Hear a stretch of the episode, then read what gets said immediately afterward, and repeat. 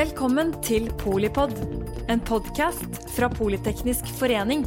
Et kunnskapsbasert medlemsnettverk for bærekraftig teknologi og samfunnsutvikling. Velkommen til eh, Polipod, der eh, topplederen treffer eh, toppolitikeren. I dag så har vi gjester i studio iført badebukse. Vi skal snakke om bl.a. eierstyring vi har med eh, Sivert Haugen Bjørnstad, som er stortingspolitiker for eh, Fremskrittspartiet fra Sør-Trøndelag og medlem av næringskomiteen. Vi har med Morten Munch-Olsen, som er daglig leder i eh, Bilkollektivet. Og Janne Log, som er daglig leder i Samvirkene. Nå sa jeg litt, Janne, hva vi skulle snakke om, men fortell oss mer. Nei, men Du har helt rett. Vi skal snakke om netthandel, eierskap og badebukser. Og vi begynner med badebuksene. Det nærmer seg sånn sakte, men sikkert badesesong, og dere trenger ny badebukse. Hvor handler dere? Nett eller butikk? Sivert? Det er litt artig at du spør, fordi jeg kjøpte nettopp ny badebukse. Eh, det gjorde jeg på Intersport Røros i 15 minusgrader for et par uker siden. Så skulle jeg gjerne ønske at jeg kunne ha der og sagt at det var fordi jeg var tøff og skulle isbade og forskjellig, men eh, det handler rett og slett om at jeg glemte av mye hjem, og på hotellet var det jacuzzi, så da måtte jeg kjøpe i butikk. Morten? Ja, du, det husker jeg faktisk eh, ikke når jeg kjøpte badebukse sist. Men eh, jeg tror kanskje det var på badeland mens det var gjenglemt hjemme eller noe sånt. Nei, sånn Spøk til side, så er vel det Jeg vil helst uh, slippe å kjøpe badebukse, så jeg tror jeg bruker den jeg har uh, ett år til. Eller? Det, går det an? Det går an, men handler dere mye på nett? Ja, nå er det jo det. Nå er det jo klikk og hent som uh, gjelder. Og man, man, sparer jo en del tid på det. Men, eh, men, egentlig, akkurat for min del, så om man handler på nett eller om man handler i butikk, det, det, er ikke så viktig. Men jeg prøver å kjøpe ting som eh, varer, da, og ting som kan holde mange år. Kanskje heller koste på seg en litt dyr bukse, badebukse, som man kan ha i fem år, enn en som man må kaste etter sesongen. Mm. Sivert, er du en ivrig nettshopper? Nei, egentlig ikke på, ikke på, klær. Altså, Jeg handler en del på, på, nett, men da er det på en måte i den fasongen og formen jeg vet jeg vil ha det. Eh, jeg har en, sånn, en eller annen eh, mental sperre på at det der med å bytte og sende tilbake er veldig vanskelig eh, når jeg kjøper ting på nett. Det, jeg har jo også fått høre at det er veldig enkelt, det er bare å pakke det og sende det tilbake. Men det er et eller annet der som gjør at eh, eh, Fram til nå i hvert fall, så har det vært enklest å gå i butikken og ta på det og kjenne på det og ta det med seg hjem. Men jeg tror jo den, den terskelen flyttes litt. Eh, og særlig nå hvor mange er nødt til å handle veldig mye mer på nett, så, så venner man seg til det. Og så funker jo jammen meg det også. Ja, eh, pandemien har endret litt kjøpsvannet, men det har også endret jobbhverdagen. Eh, hvordan har det endret hverdagen for dere? Sivert? Um, ja, det har både endra og ikke endra. Um, jeg er jo så heldig at jeg, at jeg holdt til daglig på Stortinget. og Også før pandemien så var jeg ukependler og reiste mellom, mellom Trondheim og Oslo hver uke. og Det har jeg heldigvis fått, fått fortsette med det siste året også. Men det er klart at vi mister jo veldig mye av de eh, komitéreisene og møter med folk. Um, nå i vinter skulle jeg gjerne reist til Lofoten og, og snakka med fiskerne som var med på lofotfiske der. Eh, det blir ikke det samme over Teams. Eh, selv om mange av de her litt mer ordinære møtene overføres, eh, eller lett kan overføres til Teams, så mister vi jo noe med å ikke kunne reise ut og besøke folk og bedrifter og, og organisasjoner. Så Altså For min del så har det ikke endra seg så mye, men det som har endra seg, er de møtene med folk. da. Mm. Morten? Ja, altså som, som bedriftsleder så, så syns jeg kanskje det største inntrykket er uforutsigbarhet. Eh, vi har gått mm. fra at ting har vært helt stille, til at det har vært enorm etterspørsel. Eh, I tråd med da hva slags restriksjoner som eh, har vært. Vi starta jo med i mars i fjor med totalt reiseforbud nærmest, og hytteforbud. Og når man driver med bildeling, så. Så blir det jo ikke mye bildeling av biler som står stille, eller folk som holder seg hjemme. Litt sånn som det er nå også. Mm. Eh, til at plutselig så blei det lov, og da hadde jo alle et oppdemma behov eh, samtidig. Og sånn er det jo når man deler på noe. det er at Hvis alle skal ha det samtidig, så blir det vanskelig. Så vi gikk liksom fra å ha altfor mange biler som sto altfor mye stille, til at det var altfor få biler til alle som skulle reise eh, med en gang. Og det var vanskelig å gjøre noe med det. Eh, så det er en litt sånn stressende situasjon, og føler man er dårlig egentlig uansett. Eh, og så var jo vi òg og rammet av Vi visste jo ikke hvor lenge det kom til å bli, og hvordan det kom til å, å slå. Så det ble permitteringer, og det ble innkjøpsstopp, og det ble liksom skru igjen alle kranene. Så det har også vært, eh, vært stressende. Og, og, også da oppleve støtteordninger som ble lansert, og som ikke gjaldt eh, oss fordi at vi hadde vokst for fort eller vi var for små, eller, eller sånn som mange har kjent på at det, det traff litt uh, upresist og virka litt urettferdig da kanskje at det var store risikosøkende bedrifter som fikk masse støtte, mens uh, små virksomheter som, som, oss med sterk vekst og et litt mer idealistisk formål ikke fikk noen ting. Så en, en miks av, av, sånne ting. Så uforutsigbarhet og stress har egentlig vært, uh, vært litt melodien, altså dessverre, for mm, den uh, perioden som, som leder. Mm. Jeg, jeg, tror jo at det er man må, man må, egentlig inn i en sånn krise eller et voldsomt skift da, for å stoppe opp litt og tenke over hvordan, um, hvordan har vi gjort det tidligere. Fordi hverdagen ellers går så mye på autopilot uh, at vi ikke har tid til å, til å, stoppe opp og tenke er det egentlig fornuftig at vi gjør det sånn.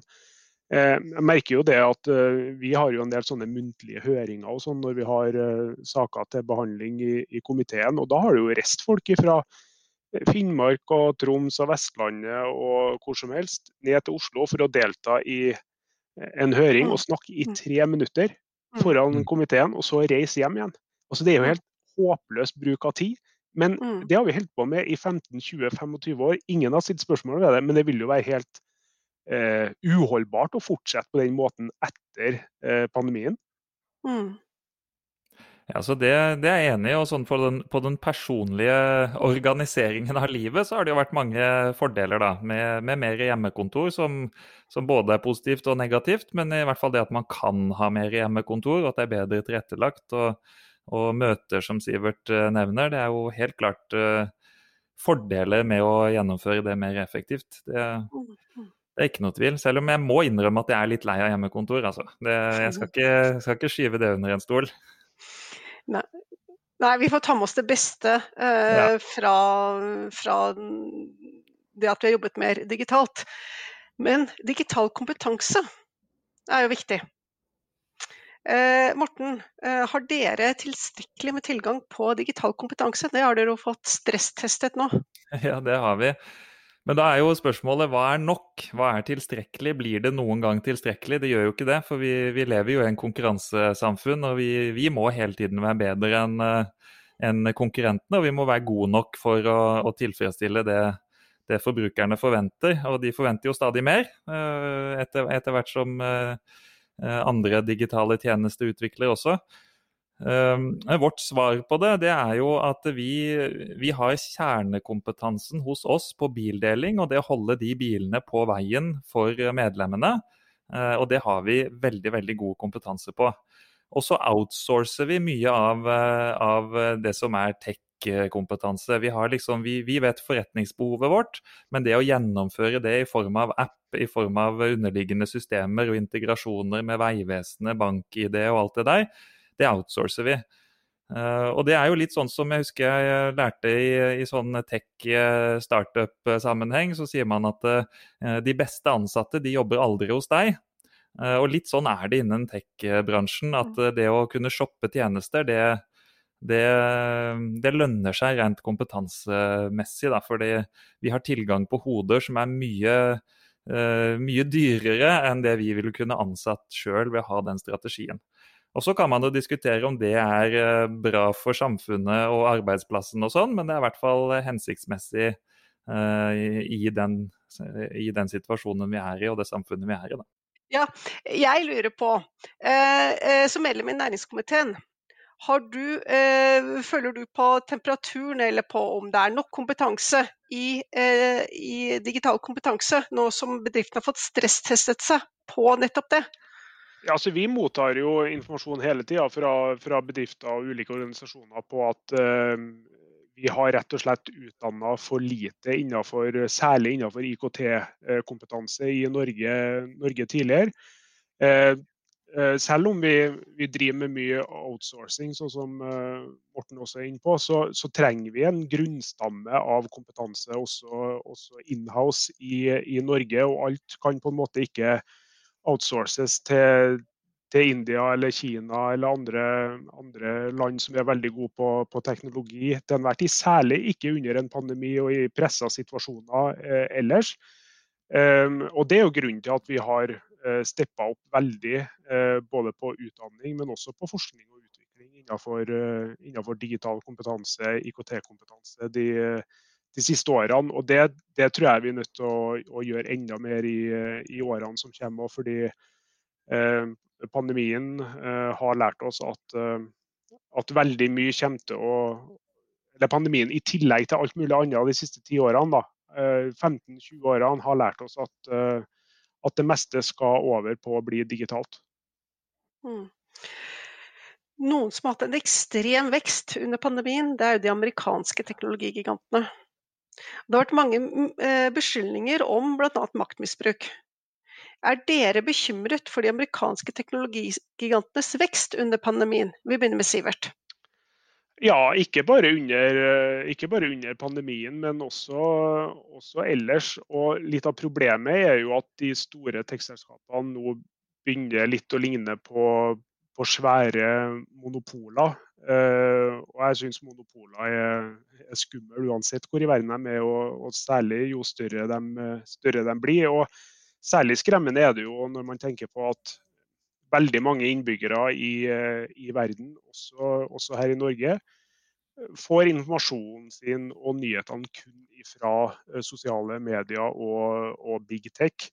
Det, på sikt kan det utgjøre eh, et stort demokratisk, demokratisk problem. I, og enda verre blir det jo når vi vet altså, hvor, mye, hvor, mye, data de her selskapene sitter på om, om hver enkelt av oss. Jeg tror ikke jeg tenker heller ikke nok over det, og jeg tror ikke så mange andre gjør det heller. Når man huker av de her vilkårene eh, fra de ulike tech-gigantene, mm. eh, så er det ganske mye man sier ja til å, til å si fra seg som man ikke hadde gjort på, på, andre vilkår, hvis man hadde visst hvor mye det var man faktisk ga. Mm. Morten? Ja, jeg er bekymret. Ehm, jeg tror jo at vi som samfunn har det bedre med flere lokale aktører enn med de få store globale. Og Det ser vi jo da med den maktkonsentrasjonen eh, som Sivert nevner òg. Vi ser på pengeopphopning, eh, forskjellskulturer, utbytting av ansatte, altså når man får masse makt, og til slutt også utbytting av eh, kundene. Fordi vi er jo ikke noe annet enn data for de, og, og data som brukes til å pushe enda mer av de varer og tjenestene som ligger bak. Så så jeg syns ikke det er bra. Eh, og sånn personlig så lurer jeg jo på om, eh, om det er jeg som eier Google-produkter, eller om det er Google-produktene som eier meg. Jeg har sånn telefon som er på Google, og masse høyttalere og, og, mikrofoner rundt omkring i huset mitt som jeg kan snakke til og få til å gjøre morsomme ting.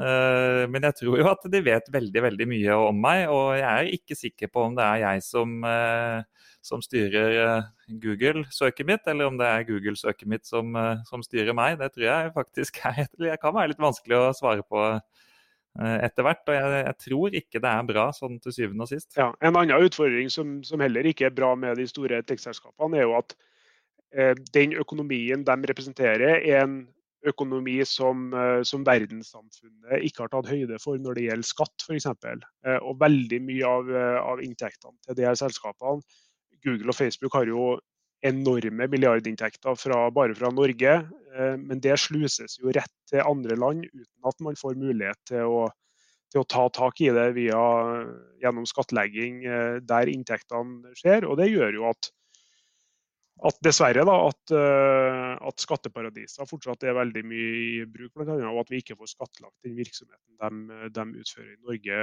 Norge, godt nok. Så Der står jo verdenssamfunnet overfor store utfordringer i årene som kommer. Også. Jeg pleier av og til å spørre Google-høyttaleren min hvis ikke jeg har vært hjemme en kveld, hvem som var hjemme i går kveld, f.eks.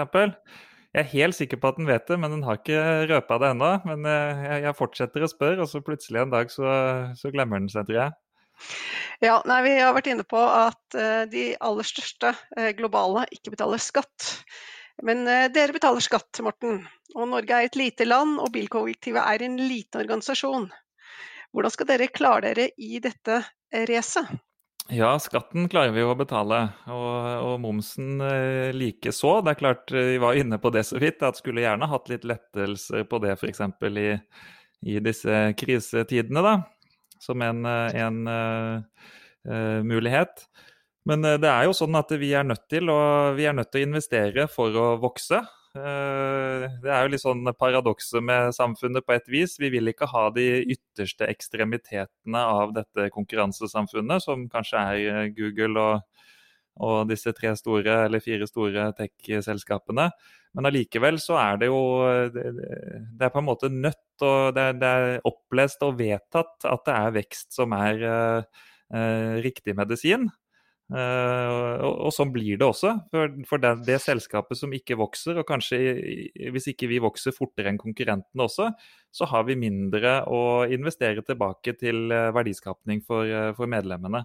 Så det er litt sånn, altså uansett om man, man liker det eller ikke, så, så, så, må vi ha den uh, veksten. Det, er, det, finnes ikke noe lykkelig som liten i, uh, i norsk uh, næringsliv lenger. Så, så, vi kan la være å like det, men samfunnet er sånn. Og det å tro på en sånn helt annen verdensorden i de nærmeste fem årene, det, det tror jeg blir litt utopisk. Så da for vår del så tilpasser vi oss det. Vi jobber beinhardt med vekst. Vi vokste 45% i fjor, og vi er den største aktøren på bildelingsmarkedet i Norge med god margin.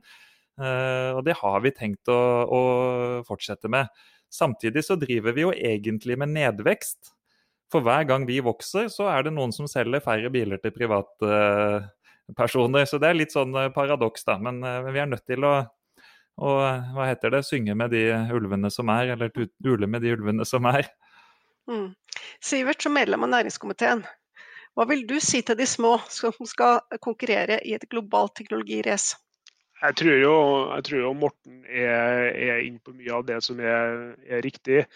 Eh, og Det handler jo også om å finne sitt marked og sin nisje og hele tida drive med innovasjon og bli eh, best mulig, så god som mulig hele tida. Og så tror jeg jo også at vi mennesker at alle kommer ikke til å bli Amazon eller Google og, og drive 180 land og, og, ha de inntektene, den veksten eh, som de har. Men vi må være best eh, på det vi alltid har vært gode på i Norge. altså Kompetente og frie medarbeidere som har stor medbestemmelse. Kjempefortrinn for, for Norge og norske bedrifter, også teknologibedrifter. Vi har Eh, ingeniører og, og andre teknologiutdanna som har mulighet til å tenke sine egne tanker, i stedet for å gå til, til manageren eller sjefen hele tida og spørre er det greit at jeg gjør, gjør, ditt og datt. Det er sånn vi skaper bedriftsinnovasjoner i, i Norge og har gjort det i mange mange tiår. Så jeg, jeg, tror det handler mye om, mye om, å styrke det vi allerede er gode på i Norge. Um, så tror jeg også næringslivet må ta en større Eh, ta en større rolle i, eh, i FoU-arbeidet, altså forskning og utvikling. Norge ligger ganske godt an eh, internasjonalt, hvis man ser hvor mye penger og ressurser som brukes på forskning og utvikling. Men grunnen til at vi gjør det bra, er at staten stiller veldig mye opp. Og bruker veldig mye penger på, av andel av BNP på, på, forskning og utvikling. Der vi skårer dårligere enn sammenlignbare land, er på det bedriftene sjøl bruker på, på, forskning og utvikling. Der er alle nabolandene våre veldig mye bedre, men også, også selvfølgelig de, de, landene som er veldig gode på, på teknologisk kompetanse. Mm. Eierskap det påvirker jo kompetansebygging i organisasjonen, eh, og f.eks. FoU. Eh, hva mener dere er godt eierskap og god eierstyring? Vi begynner med han fra næringskomiteen. Sivert? Altså, ja, eh, i, i, næringskomiteen og i politikken så er det jo egentlig sånn at god eierstyring er å holde en, en armlengdes avstand. Det er jo fordi at vi politikere ikke er bedriftsledere. Og vi, vi er ikke dem som er best til å, til å, drifte norsk næringsliv. Det er det gründere og, og bedriftsledere som, som er. Så ofte når vi snakker om god eierstyring eh, hos oss, enten, eh, staten eier jo masse selskaper, enten helt eller delvis, eh, Telenor og, og, Equinor og alle de her store selskapene, så handler det om å eh, egentlig delegere ansvaret eh, mest mulig til det, de menneskene som er mest kompetente til å gjøre den jobben. Så først utnevne et, et styre, og så gi dem mulighet til å, å, peke på hvem som skal være, være daglig ledelse.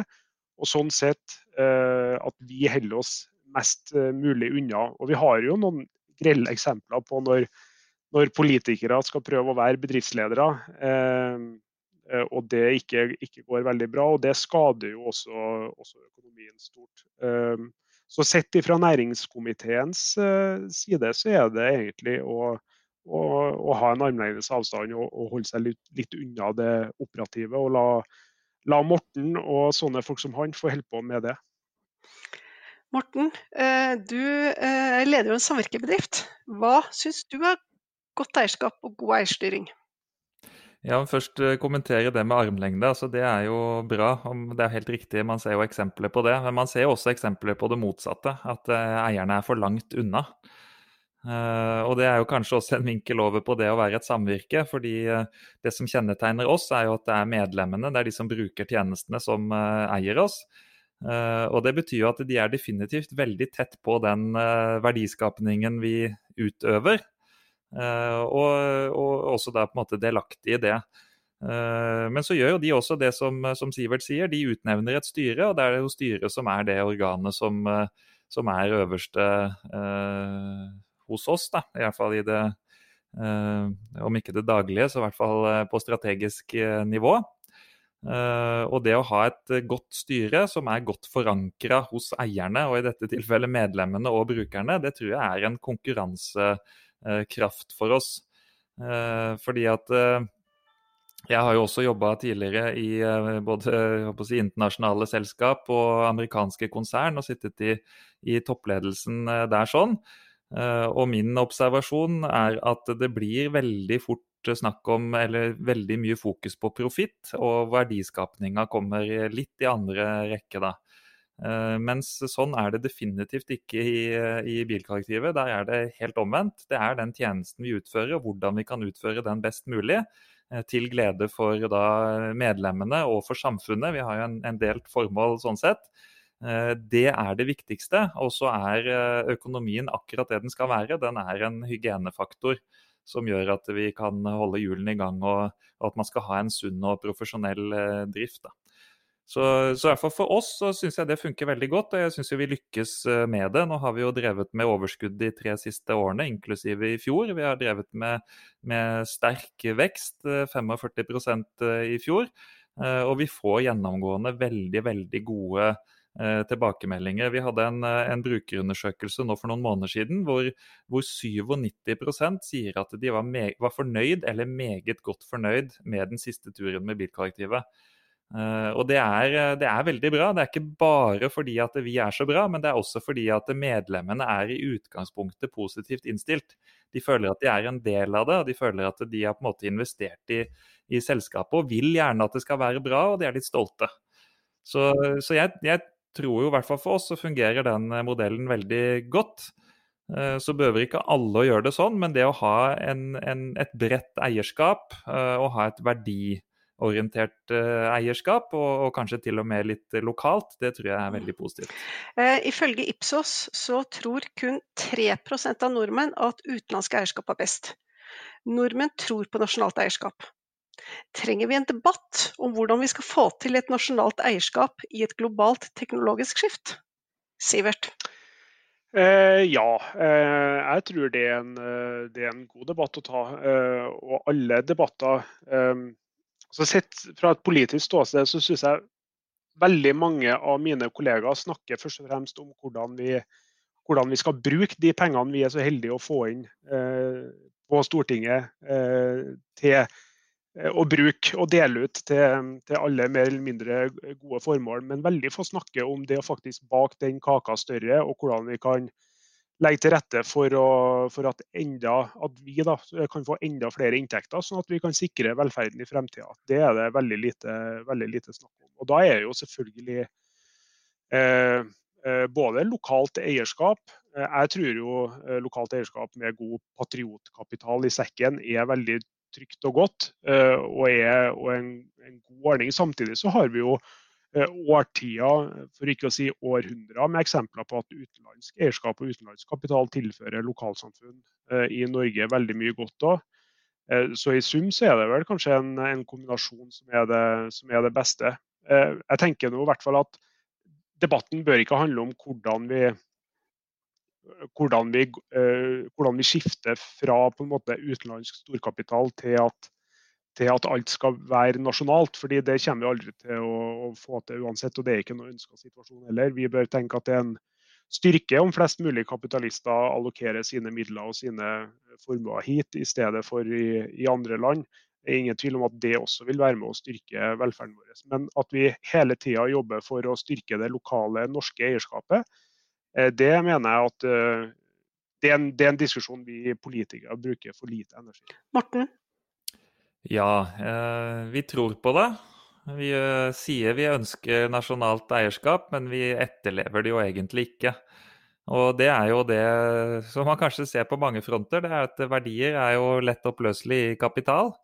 Eh, så i det øyeblikket det er noen som er sterkere, kanskje er mer attraktive, så, så stikker det ikke veldig dypt at man ønsker at det skal være norsk, eller at det skal være eh, nasjonalt eh, eierskap. Men eh, det er en spennende diskusjon, eh, og det er definitivt bra med noe internasjonalt inn i bildet også.